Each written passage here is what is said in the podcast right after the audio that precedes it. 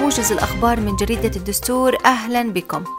وزارة التربية والتعليم تعلن البرنامج المعدل لامتحان التوجيهي والمعتمد للفروع الأكاديمية والمهنية للطلبة النظاميين وطلبة الدراسة الخاصة.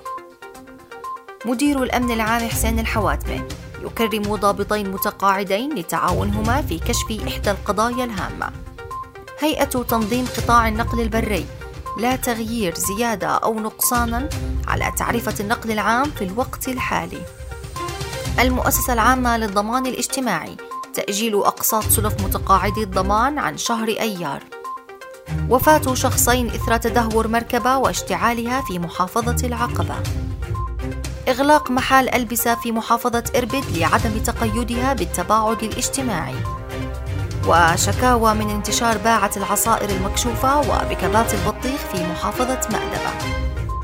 إلى حالة الطقس يطرأ غدا الخميس ارتفاع على درجات الحرارة لتسجل أعلى من معدلاتها الاعتيادية بحوالي 8 درجات مئوية وتكون الأجواء جافة وحارة في اليومين المقبلين.